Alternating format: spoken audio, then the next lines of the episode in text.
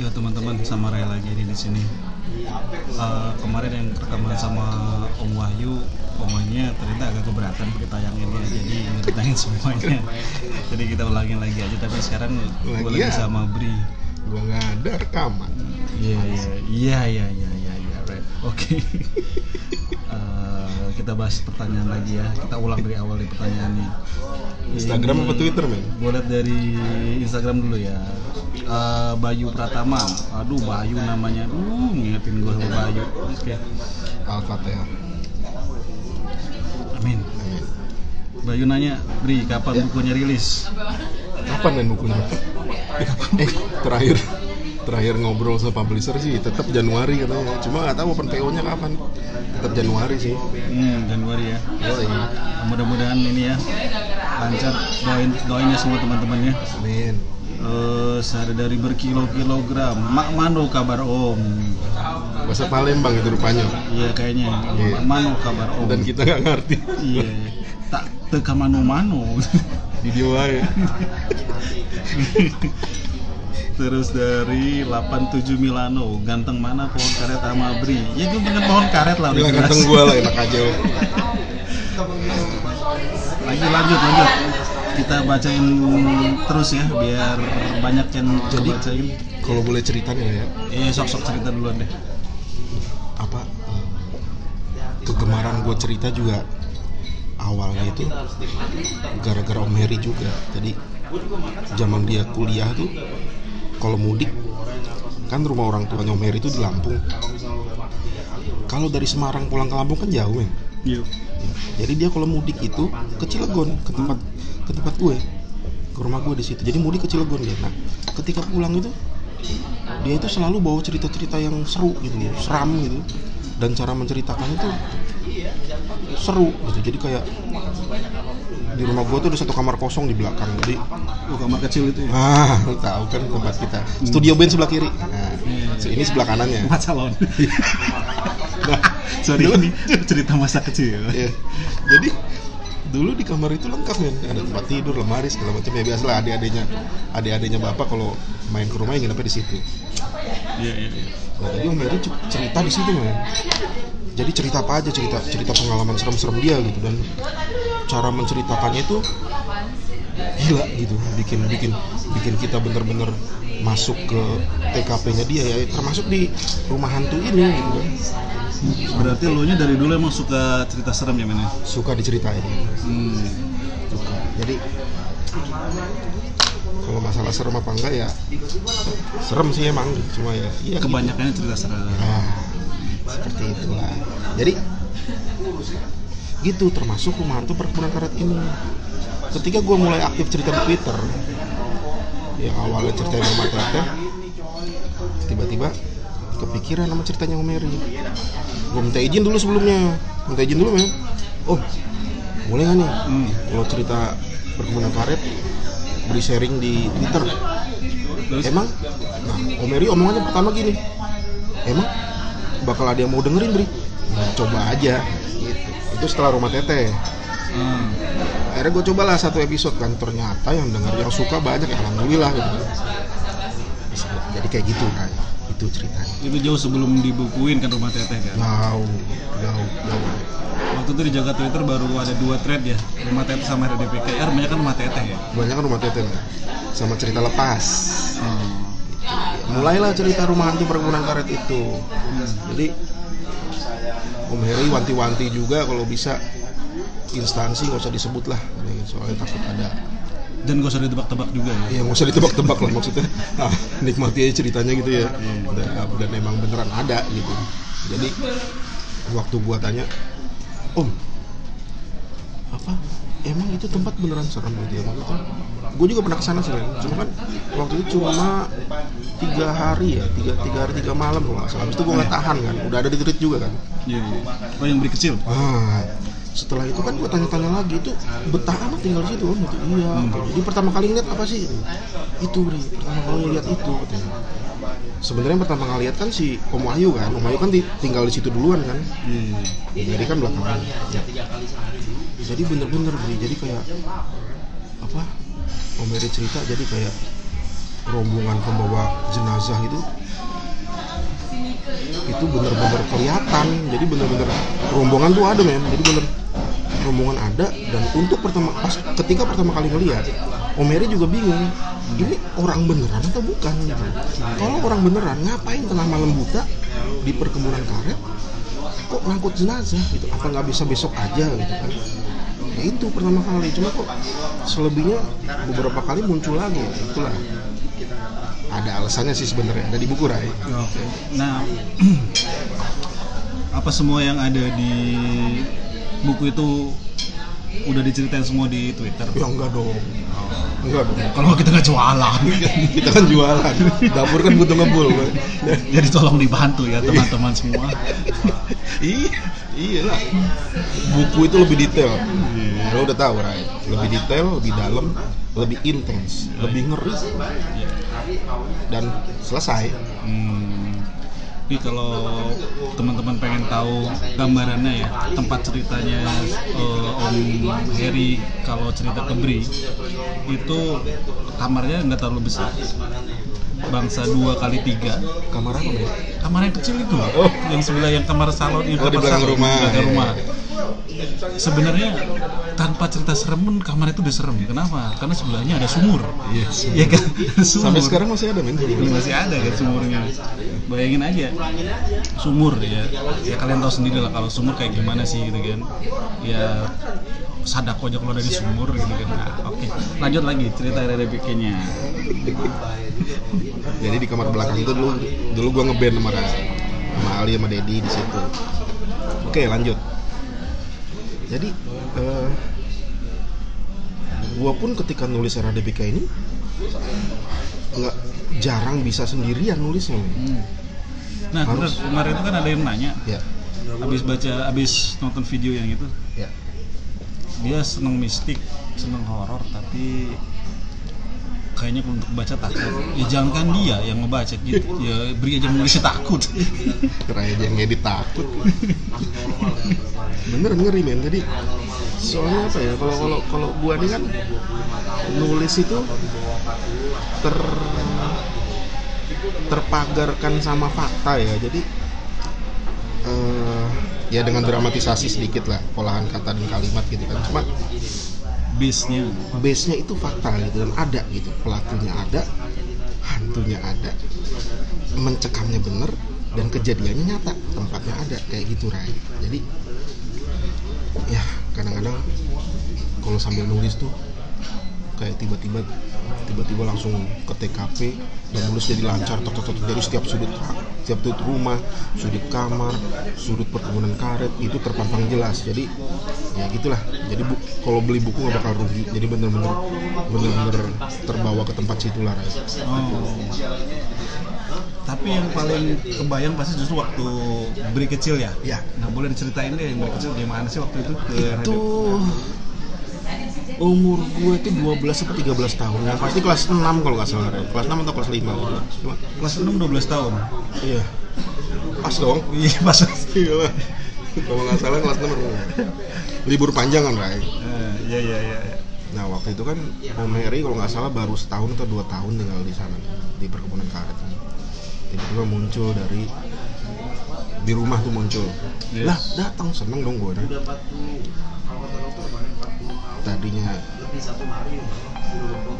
Oh ini lebih seru nih. tadi tadinya. Belum ada rencana liburan kan?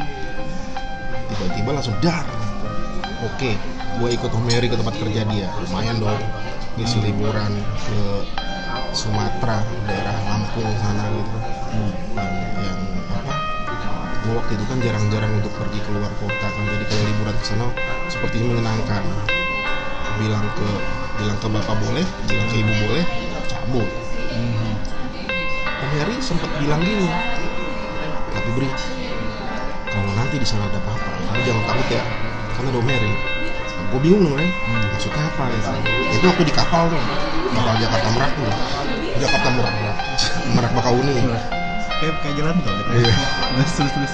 Om Heri ngomong gitu Ray Hmm. kalau ada apa-apa kamu jangan takut ada Om Heri di situ emang apa sih Yang namanya rumah di tengah hutan beri takutnya kan kamu ketakutan segala macam atau apa. Enggak enggak apa enggak. Enggak kenapa-napa kok tenang aja. Nah itu apa kalimat pertama yang Om Heri gambarkan keadaan di perkebunan karet itu. Lah gue bingung. Apa ya telah akhirnya jalan. Jalan sampailah di satu kota kecil. Eh, nggak sebut nama kotanya usah ya. Kota kecil di Perba- Lampung deket mau ke Palembang di situ lah gitu. terus kita ke mana? Kita ambil motor dulu di rumah di rumah teman Mary ya udah ambil motor lah di situ. Ambil motor nah itu pertama kali jalan tuh Ray.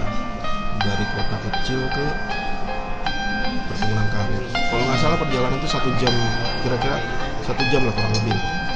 Setengah jam pertama itu kami menembus hutan. Hmm. hutan lebat. Hutan lebat. Hutan belantara ya. Hutan beras, hutan deras. Hutan lebat bener. itu setengah jam pertama lah.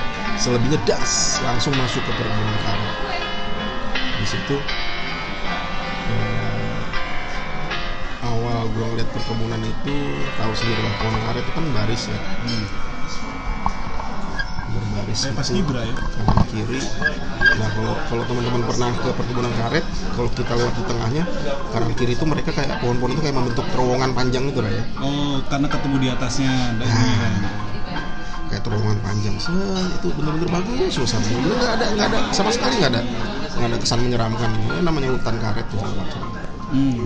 udah setengah jam menembus hutan karet sampailah di rumah. Jadi rumah perkebun rumah perkebunan karet itu letaknya agak di bawah dari perkebunan karet. Ini yang belum pernah diceritain kayaknya ya di twitter. Jadi agak turun lah jadi posisi per- rumah itu di bawah barisan pohon karet. Jadi gue sama Om Heri waktu itu motor berhenti di satu dataran tinggi. Terus Om Heri tunjuk ke rumah itu. Tuh beri rumahnya. Gitu Di rumahnya di bawah. agak di bawah tapi nggak terlalu bawah. Mungkin kalau kita tahu kontur tanah yang menuju sungai Hmm. memang turun kan karena di rumah itu belakangnya mau ada sungai ya kayak gitulah tapi nggak terlalu turun dan itu rumah Ray bener-bener sendiri di tengah perkebunan karet tapi rapi ya kan Om Ayu rajin kata Om Ayu. jadi eh, di sebelah kanan tuh kandang ayam dengan rumput-rumput Jepang di sekelilingnya.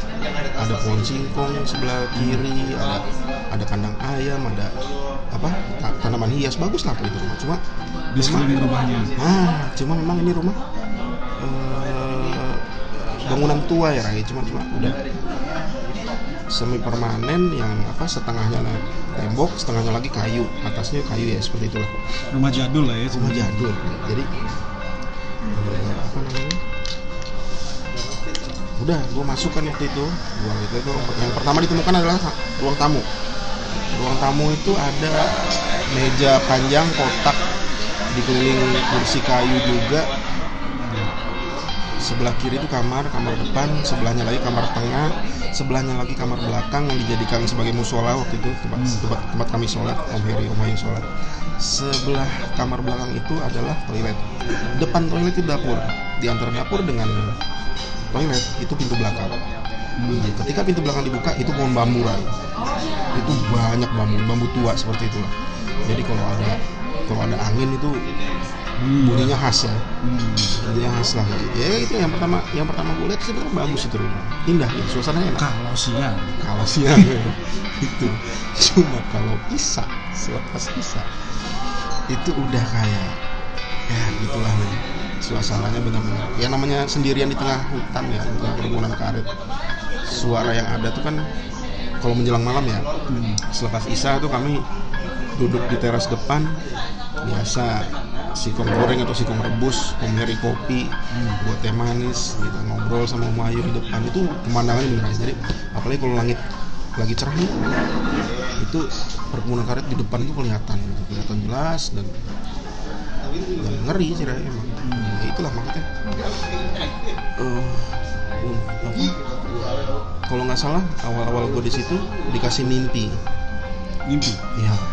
Jadi mimpi gue waktu itu kalau nggak salah inget, gue kayak di tidur di tengah hutan, tapi tiba-tiba ada rombongan datang dengan jubah hitam panjang gitu, berbentuk siluet lah. itu me- apa berdiri mengelilingi gue gitu Ray Hmm. udah ya sebatas itu akhirnya udah selesai Tapi itu mimpi kan?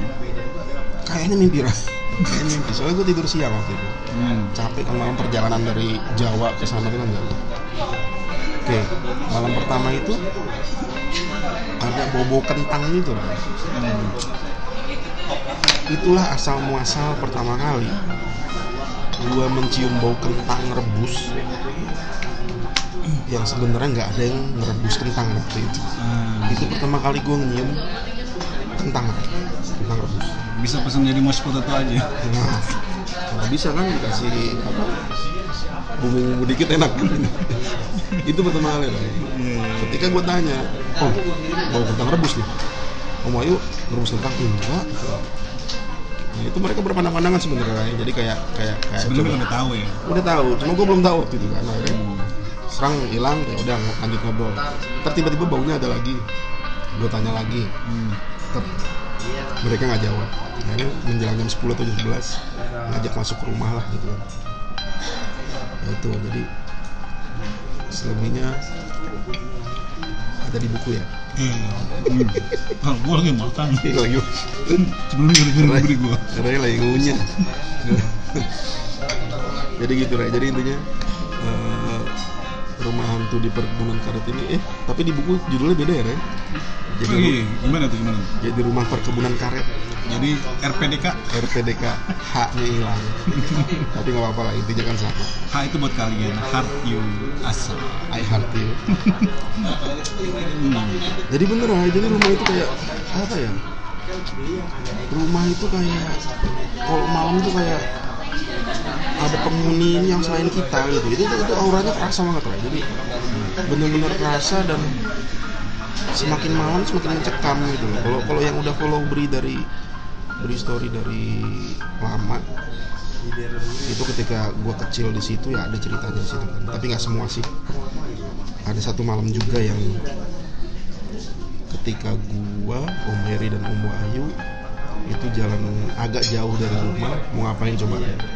Mau bakar ayam. Uh, jauh-jauh ngapain? Soalnya di tempat itu katanya spotnya bagus kata Om Wahyu jadi eh, pohon karetnya agak-agak kosong jadi langit langsung kelihatan. Dan bener bagus lah. Itu agak tinggi tempatnya Buka ya. iya kami bakar ayam di situ. Cuma untuk yang bakar ayam ini nantilah Kayak ini nggak ada di Nggak. Twitter ya? di Twitter nggak ada nggak ada belum sempet gua waktu itu tiba-tiba ditelepon publisher ya udah sombong Iya, iya, iya, iya. jadi gitu lah jadi intinya eh, Om Heri ini termasuk Om yang paling deket lah sama gue gitu jadi termasuk termasuk Om yang selalu berbagi cerita gitu terus. dan yang perlu teman-teman tahu Heri ini sebenarnya pemalu orang pemalu banget. Beda sama Wahyu. Wahyu mah aduh ngomong aja ngobrol nggak habis-habis. Cuma kalau menurut mereka berdua yang paling penakut ya Om Wahyu gitu. Beberapa kali pipis di celana katanya. Ada yang pingsan nggak kehitung berapa kali gitu kan. Gitu. Iya. Oke, kayaknya udah cukup serem-seremannya sekarang kita santai aja. Kita sekarang gali sisi lainnya Bri. Kan kalian semua tahu, Bri itu takut juga sama hantu-hantu gitu sebenarnya. oh takut takut banget kan Tapi tolong ceritain apa lagi yang bikin Bri takut? Binatang apa yang bikin Bri takut?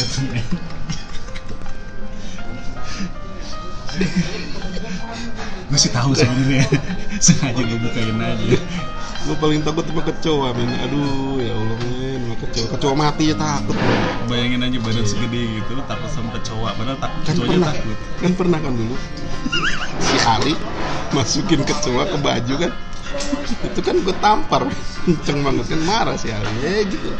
Ya orang takut. Gimana takut?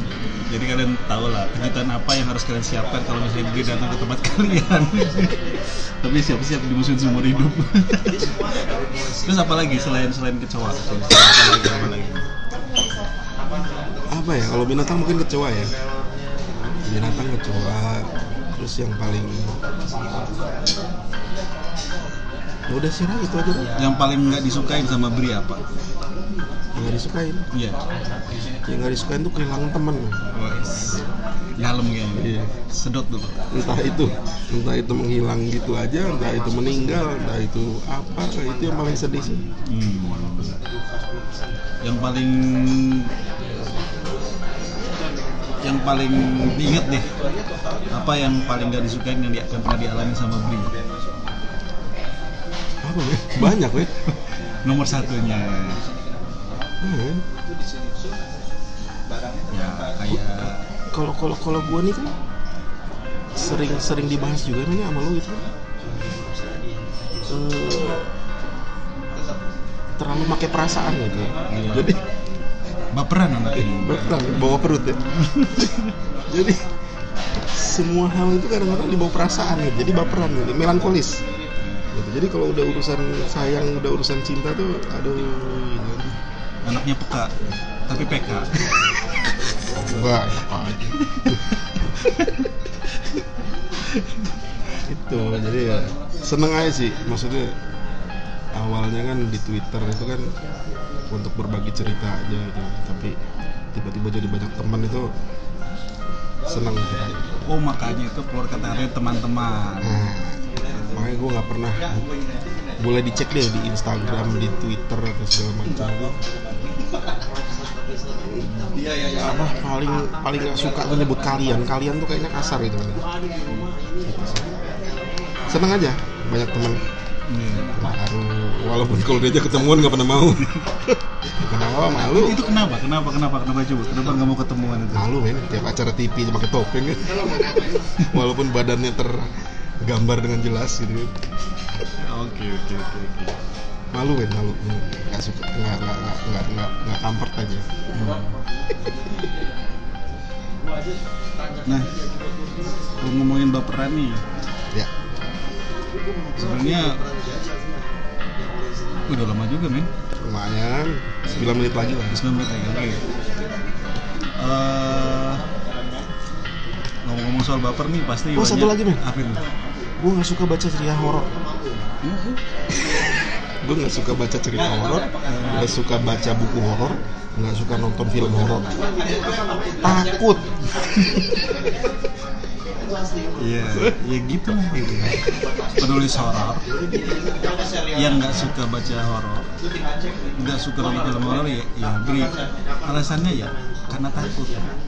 Sekarang kalau ngomong koleksi buku di rumah aja hilang kok ya emang anaknya baperan, peka gitu. Terus takut takut beneran eh, kalau dibandingin bila dibandingkan? Mending ketemu hantu apa ketemu kecoa? aduh berat dah men. Aduh. Ketemu hantu aja deh kayaknya astagfirullahaladzim. Kecoa deh. Eh hantu deh. Nggak tahu men. Kecoa itu udah, udah jadi kayak hantu buat dia. udah, udah, udah ngeri dan mereka tuh kayaknya bisa mencium bau kalau gua tuh takut mereka jadi ngejar gitu. Oke, habis ini eh, kan rumah teteh udah, Udah. RHDPK udah, Ya. eh, insya Allah Januari lah. Ya. Bakal ada cerita seru lagi nggak sih? Oh banyak, tapi ada ada beberapa ada satu cerita yang ini masih gua coba tulis sih, karena malu juga. Oh iya, jadi gue tahu sebenarnya kan gue pura-pura nggak tahu, Oh, jadi biar pada denger. Jadi apa petualangan kami waktu di salah satu desa waktu waktu waktu itu kerja sih ya kerja di satu perusahaan yang menugaskan gue untuk jalan-jalan ya tugas luar kota jadi bisa tersesat bukan tersesat sih ter ter ter ter ter, ter- terdampar di salah satu desa di Kalimantan oh, seru itu Iya. bukan KKN ya bukan. Ini kerja. Bukan KKN Ini kerja-kerja nyata. kerja kerja nyata. Di desa pencaci nggak boleh sebut merek lah. oh nggak boleh. Ya, maaf maaf. Iya, iya, iya. itu itu seru kan itu seru. Jadi eh, kalau boleh kasih spillnya dikit Spill, anak Twitter banget. jadi eh, itu bener-bener kompleks lah. Jadi aduh gue nyusun ceritanya gak susah maksudnya. Nyusun ceritanya itu harus dibagi beberapa plot harus dibagi beberapa beberapa sudut pandang karena emang pemerannya bukan gue doang. Jadi gue nggak terlalu nggak terlalu apa namanya? Nggak terlalu apa eh, megang di situ gitu jadi nanti ada Rai ada Ali ada Dedi ada teman-teman yang lain Hmm. jadi Bri di situ nggak terlalu menonjol lah Walaupun dia menonjol sebenarnya. besar Yaudah, kita cukupin dulu ya segini ya, dicobain ya. eh Ya, nanti kita sambung lagi kalau kalau banyak yang bagus. kalau banyak yang seneng Kalau yang senang. Oke, ada ini eh, pesan-pesan apa? Gitu? Eh, terima kasih buat yang udah kemarin beli buku rumah teteh baca buku rumah teteh ngikutin treat rumah teteh. Jadi teman follower beri di Twitter Instagram terima kasih banyak. Udah seneng sama cerita-cerita gua di sini. Udah seneng jadi teman udah terima kasih banyak. Dan era DPK harus dibeli. Soalnya itu salah satu horor yang menurut gue mencekam. Jadi bener-bener real nyata dan natural nggak berlebihan. Gitu kan Jadi udah mulai nabung dari sekarang ya. nah, Nah, nabung sejuta sehari Boleh, bisa. halamannya 300 halaman kan banyak kan Puas dong. oh, eh, jadi lama dua hari dua malam lah itu baru kelar kayak gitu Jadi bukunya besar, panjang dan gede. nah kayak gue jadi gitu Oke, ya udahlah. kita lanjut ngopi ya. Kita lagi ngopi dulu. Kita cukupin segitu dulu ya teman-teman. Eh, sampai ketemu lagi di siaran selanjutnya. Gue Rai dan Bri kita undur diri. Wassalam. Itu kok gak mati? Di stop aja